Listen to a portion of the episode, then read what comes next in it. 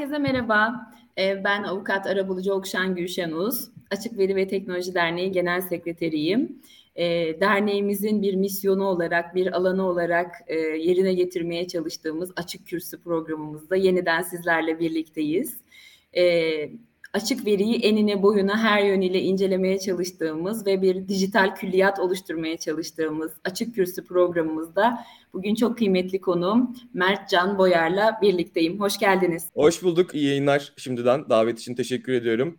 Biz de çok teşekkür ederiz. Ee, Mert Bey biz hep e, Açık Kürsü programında e, işte açık veri, veri, kişisel veri, e, açık veri platformları üzerine sohbet ediyoruz. Tabii çok önemli başlıklardan bir tanesi de sizin de ilgi alanınız kapsamında bugün veri mahremiyeti hakkında sizinle sohbet etmek istedik. E, ben e, sorularımı yöneltmeye başlamadan önce sizi biraz tanıyabilir miyiz? Mertcan Boyar ne yapar verilerle ilgili? Tabii ki. Ee, Mertcan Boyar ne yapmaz ki oluyor birazcık benim tarafımda maalesef bu sorunun cevabı. Çünkü e, yaklaşık işte 5 yıla yakın oldu. 2017'de ben Bilgi Üniversitesi Hukuk Fakültesinden mezun oldum. Sonra işte stajımı tamamlarken çalıştığım büroda çok büyük oranda kişisel veriler, şirket birleşme devralmaları, ödeme sistemleri gibi böyle hep aslında bilişime dokunan noktalardaydım. Ve 2018 gibi bir tarihte de bu stajı başlamış olmak tam işte KVKK'nın en böyle yanar döner olduğu dönem herkesin işte ne yapacağız, ne edeceğiz dediği döneme geldiği için ben şey diyorum biz KVKK e, bebek bebekleriyiz aslında benim jenerasyon avukatlar. E, fakat ben ilk başta kendi işimi aslında bir stajyer avukat olarak yaptığım dokümantasyonu hızlandıran bir böyle ofisten çıktıktan sonra bir hafta sonları e, geliştirdiğim bir proje olarak başladı. E, sonrasında ama işte 5 yıllık bir Veriloji isimli hikayeye dönüştü. Bu hikayede de aslında bir teknoloji girişimi Veriloji ve ben işte bir buçuk sene sonra kadar 2019 sonu itibariyle artık avukatlık şeyini bırakıp aslında tam zamanlı e, girişimciliğin başında duran bir yol izledim. Fakat avukatlıktan da kurtulamadım hiçbir şekilde. Çünkü e, işte bir yanda veriloji var. E, bir yanda şimdi geçen sene itibariyle başladığım e, bir Bilgi Üniversitesi'nde rol var. E, hukuk fakültesi altında Leyla Hoca bir e, laboratuvar kurmak istedi. Aslında dört laboratuvar kurdu. Bunlardan bir tanesi de Privacy Innovation Lab'dı. E, ve bu yüzden ben şu an haftanın iki veya üç günü kadar e, Bilgi Üniversitesi'nde de aslında hem lisans öğrencileri hem de yüksek lisans öğrencileriyle birlikte yine mahremiyet, gizlilik ve e, bu alanda inovasyon nasıl yapılır? Burada geliştirilebilecek mahremiyet artırıcı teknolojiler nelerdir gibi soruları sorarak aslında farklı projeler yürütüyoruz. E, şimdi son olarak da e, yaklaşık iki buçuk ay önce başlayan yine böyle bir hobi projem e, yine kişisel verilerle ilgili e, bir çizgi roman yazmak oldu. E, insanlara bunun önemini anlatan ya da e, bunun önemini bilen fakat bu alanda uzmanlık kazanmak isteyen özellikle avukatların, içerideki uyum ekiplerinin büyük şirketlerdeki nasıl teknolojiyi ve hukuka daha hakim olup bir mahremiyet mühendisliği öğrenebilirim dediği noktada aslında ulaşabileceği bir kitap. bu şimdi bir işte biliyorsunuz yarın Dünya Veri Koruma Günü, Data Privacy Day. Ee, ve bunun için bir işte challenge hazırladım bu çizgi roman hikayesi üzerinden. Ee, insanları böyle haftalık puzzle'lar, e, işte yeri geldiğinde kriptoloji, yeri geldiğinde belli e, şeyleri buldukları bir e, oyunla gene gizlilik ve mahremiyet öğretiyorum gibi düşünebilirsiniz. Çok teşekkür ederim. E, klasik avukatlık zaten dönemini tamamladı. Ben tabii size göre biraz daha e, kıdemli bir avukatım. Ama hep konuştuğumuz bir şey artık avukatlıkta da e, yeni yaklaşımlar söz konusu olması lazım ki, siz de bahsettiniz kişisel veri, veri mahremiyeti gerçekten de hem avukatın uğraştığı işler noktasında hem de aslında hukukun belki de çizdiği perspektif noktasında bizim için her geçen gün önemini arttırıyor. O zaman ben hemen vakit kaybetmeden sorularıma geçmek istiyorum müsaade ederseniz. Her şeyden önce genel bir veri mahremiyeti deyince ne anlamamız lazım? Bir çerçeve çizebilir misiniz bize? Tabii ki. Ee, çizemem ama denerim. Çünkü gerçekten bir çerçeveye sığmayan bir kavram. Ee, yani şey çok sevdiğim bir şeyle başlamak istiyorum. Alıntıyla başlamak istiyorum. Edward Snowden'ın çok güzel bir lafı var. Diyor ki gizleyecek bir şey yok. Bu yüzden mahremiyet istemiyorum demek. E, söyleyecek önemli bir şeyim yok. Bu yüzden ifade özgürlüğüne de ihtiyacım yok demekten farksız der mesela. E, ve bu bence çok anlamlı bir noktada e, geldi. Hem kendi kişisel e, deneyimleri işte e, kahraman mı e, işte, ihanet mi etti bir sürü aslında farklı orada e, sorduğumuz e, sorular da var. Fakat e, doğru bir soru sordu. Yani bu, bu çok doğru. Bunu, bunu kimse yatsıyamaz e, bu alıntıyı. Çünkü gerçekten hem kaybettiğimizde sadece değerini anladığımız gerçekten sağlık gibi bir unsur. Hem de işte cevap vermeye çalışırım dediğim gibi hani o kadar farklı noktalarda hani hayatımıza girdiği ilk noktalara baktığınızda dini kitaplarda da görüyoruz. Oradan temel bir insan hakkında dönüştüğünü görüyoruz. Ee, oradan işte benim dört harfler diye adettiğim KVKK, GDPR bunların hayatımıza girmesiyle bambaşka bir bağlamda yine karşımıza çıkan e, özetinde bir temel insan hakkıdır aslında. Fakat e, yani burada şöyle bir şey var. E, bunu kaybetmeden anlamıyoruz diyoruz ama aslında kaybettiğimizi de anlamamız çok zor oluyor. Çünkü işte panoptikon vardır bilirsiniz e, ve bunun tek bir amacı vardır. Oradaki mahkumların sürekli izlendiğini hissetmeleri ve bunun o top, oradaki o topluluğu aslında birazcık daha kontrol etmeye yaraması. O yüzden biz aslında şu an her gün Instagram'da, sosyal medyada e, gayet masum bir şekilde e, zaman geçirdiğimizi düşünürken aslında hani oradayken bile e, şeye dikkat etmemiz gerekiyor. Çünkü biz izlendiğimizi bildiğimiz için artık yani çoğu insan artık bunun en azından birazcık farkında. Ama şöyle bir şey var. Siz izlendiğiniz zaman gerçekten sizin davranışlarınız, yürüyüşünüz bile değişiyor. Ee, ya da yaratıcılığınız bile kısıtlanabiliyor. O yüzden e, hani kaybettiğimizi de anlamıyoruz ama e, etkilerini, semptomlarını çoktan hissediyor olabiliyoruz. Buradaki savaşta kaybettiğimiz şeyler aslında çok daha e, temel insan haklarına dayanıyor. Yani bizim ifade özgürlüğümüzden tutun yürüyüş hakkımıza, demokrasilerin doğru çalışıp çalışmamasına kadar e, bu savaşın aslında mağduru yine bizler oluyoruz. Çünkü mahremiyet olmadan dediğim gibi o kadar farklı noktalara değiniyor ki ne siz bir demokrasiyi sağlıklı bir şekilde işletebilirsiniz, ne bir ifade özgürlüğü var diyebilirsiniz, ne de bir yürüyüş hakkını aslında şey yapabilirsiniz. Çünkü siz mobeselere işte şeyle yüz tanıma teknolojisini taktığınız anda e, o gayet e, meşru bir yürüyüşken e, istenmeyen fişlemelere e, maruz kalabiliyorsunuz. Ya da attığınız bir e, yorumdan dolayı, bir tweetten dolayı bunları anonim atamadığınız için artık e, doğrudan iş, bir soruşturma, bir işlem başlatılabiliyor. O yüzden yani e, şu an doğrudan içinde bulunduğumuz dünyada aslında farkında olmadan bu gibi kısıtlamaları hem bizim e, davranışlarımıza hem de temel hak ve özgürlüklerimize e, bir şekilde eriştiğini, bunları ihlal ettiğini görüyoruz. Kaldı ki şu an kuantum bilgisayarlarla da geldiğimiz işte 53 kübitle birlikte yapılan e, kuantum supremacy testlerinin geldiği noktada biliyoruz ki yani 4-5 yıl içerisinde e, NSA şeyde Nevada'da çölün ortasında büyük veri depoları oluşturuyor. Sırf şu an e, içini göremediği şifreli metadataları, şifreli e, şeyleri, iletişim e, datalarını tutuyor. Çünkü biliyor ki kuantum bilgisayar geldiğinde ben bunların hepsini geriye çevirebileceğim. Eğer bunlar quantum proof olmadıysa geçiren algoritmalar vesaire. E, ya da işte seçim kampanyasının örneğim şuydu. Artık bizi o kadar iyi tanıyorlar ki e, mikro segment diyoruz artık buna ve bu mikro segment sayesinde bir e, siyasi parti çıkıp bir kesime farklı bir e, seçim kampanyası vaati e, politikası bir kesime farklı ya da bir e, bölgeye farklı yapabiliyor ve bunları tek bir seçimde ve böyle yüzlerce maske takarak yapabiliyor. Yani bunu niye önemli diye sorduklarında işte bunlar yüzünden önemli aslında. Yani bunlar küçük küçük evet tek başına bir şey ifade etmiyor ama gittiğimiz nokta gerçekten çok kötü. Son olarak ticari nokta e, bu bağlamı da söylemek istiyorum. Çünkü aslında bu GDPR'mış, KVKK'mış tüm bu kanunların çıkma noktası buydu. Ee, o da ya bizim tek birimizin verisi belki o kadar önemli değil. Ee, gene bağlama göre değişebilir. Belki çok önemli e, bir yere geldiğimizde karşımıza çıkabilir ama çok fazla insanın çok fazla verisini toplayan bu teknoloji devleri aslında buradan bir değer yaratmaya başladılar. Ve işte pet, veri yeni petroldür dediğimiz o e, artık şey olmuş, e, tozlanmış e, söylem de mesela tam olarak buradan geliyor. Teşekkür ederim. Evet yani veri kavramı ve veri kavramının her geçen gün taşıdığı önem düşünüldüğünde veri mahremiyetine de bir sınır çizmek gerçekten e, çok zor. E, dolayısıyla da e, birçok e, alanı etkileyen, ilgilendiren bir konu ama çok önemli söylediğiniz bir konu. E, insanların bu konuyla ilgili farkındalığının yavaş yavaş gelişmeye başladığını görüyoruz gerçekten de gerek ülkemizde de yasal düzenlemelerle belki her gün içine girdiğimiz dijital süreçlerde dahil olmak üzere burada bir hani veri, verinin önemi ve söylediğiniz gibi mahremiyet meselesi e, artık insanların kafasında e, bir şekilde bulunan kavramlar olarak karşımıza çıkıyor. Peki tam da o zaman bu bağlamdan kopmadan e, veri mahremiyeti konusunda belki gizlilik ve güvenlik meselesine de değinebiliriz birlikte diye düşünüyorum. E, çünkü zaman zaman bunlar da e, yerine birbirinin yerine kullanılan, karıştırılan bazen e, hususlar da olabiliyor. Veri mahremiyetinde gizlilik ve güvenlik meselesinin farklarını nasıl ortaya koyabiliriz?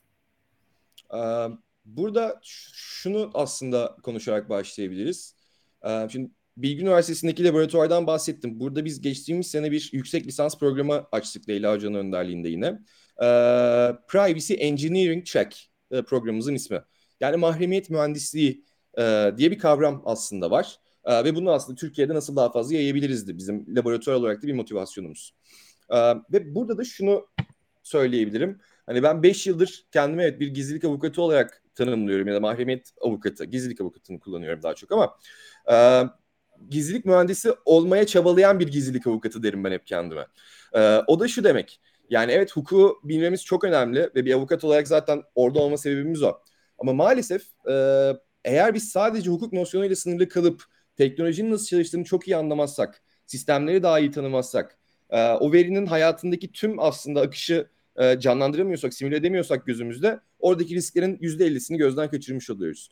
Bu yüzden bu disiplin ortaya çıkıyor ve diyor ki e, hukuku da bilen, teknolojiyi de bilen, güvenliği de bilen interdisipliner bir e, yeni rol bulalım biz.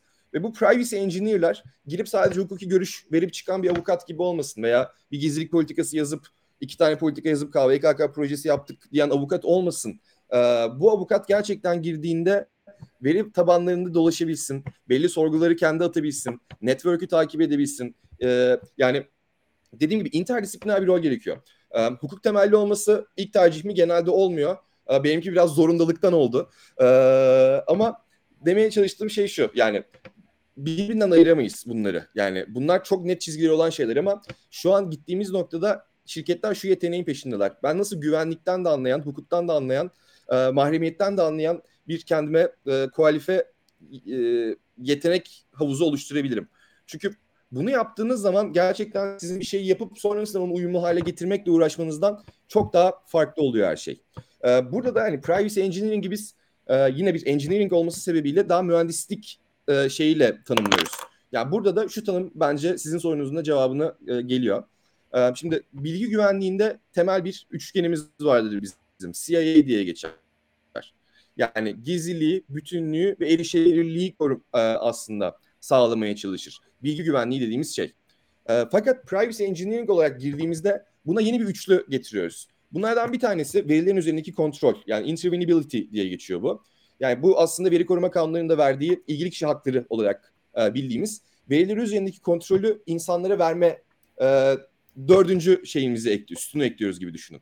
E, unlinkability yani bu aslında kişiyi ilişkilendirememe e, sorunu. O da siz bir e, işlemin gerçekleştiğini bilebilirsiniz. E, ama o işlemi kimin gerçekleştirdiğini bilmemeniz ya da işte bir kişinin e, bir sağlık veri tabanında olduğunu bilmeniz ama e, onun hangi hastalıkla ilişkilendirildiğini bilmemeniz gibi bu ikisini ayırabilme yetisi de aslında dördüncü, beşinci sütunumuz oluyor.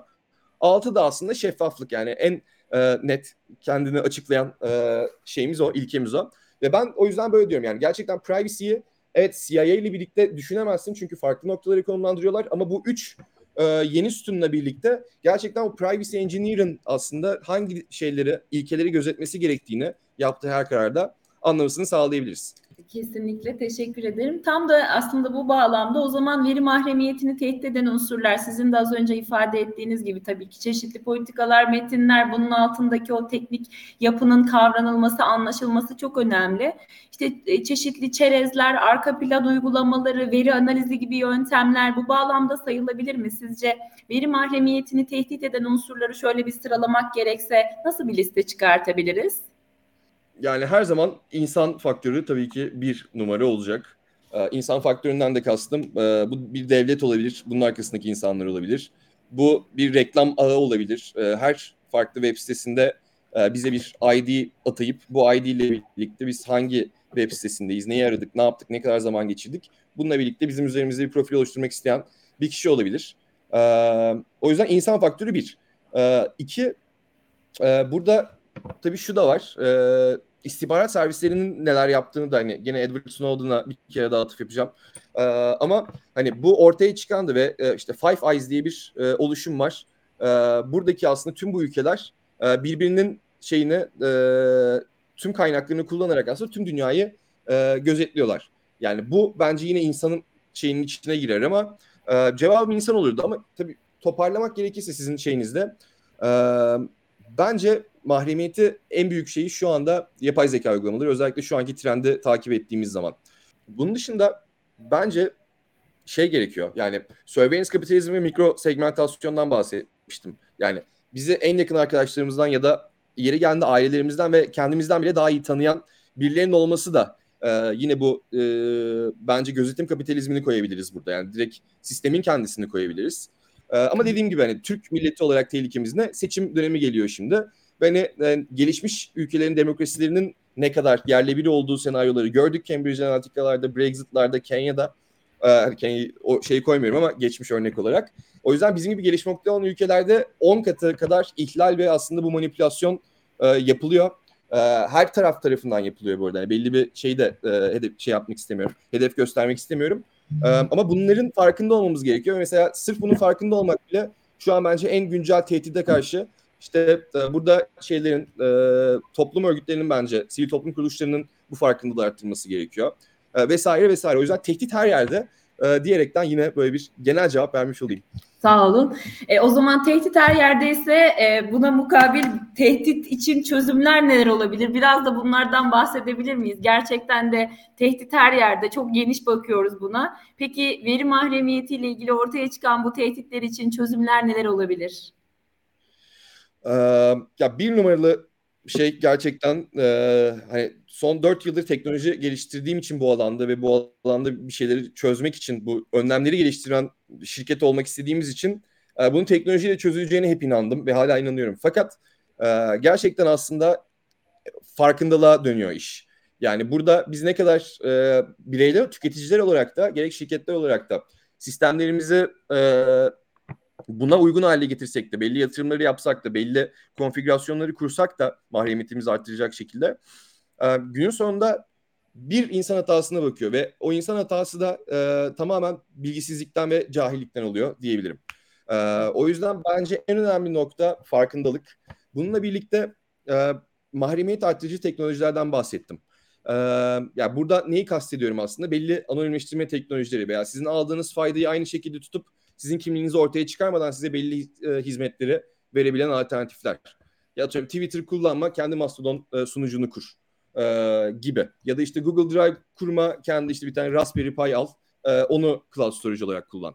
Gibi gibi gibi hani. E, ya da e, ötesine git e, JavaScript e, çalışmasını engelle browser'ında ve aslında bu online takip teknolojilerinin çoğunu ortadan kaldırabilir. Burada tamamen bir menfaat şeyi var. Yani gerçekten e, fayda mı, mahremiyet mi dengesi e, gerek bizim uyum sürecinde profesyonel olarak karşımıza çıkan bir şey. Ama gerekse de gerçekten vatandaşlar, tüketiciler olarak da.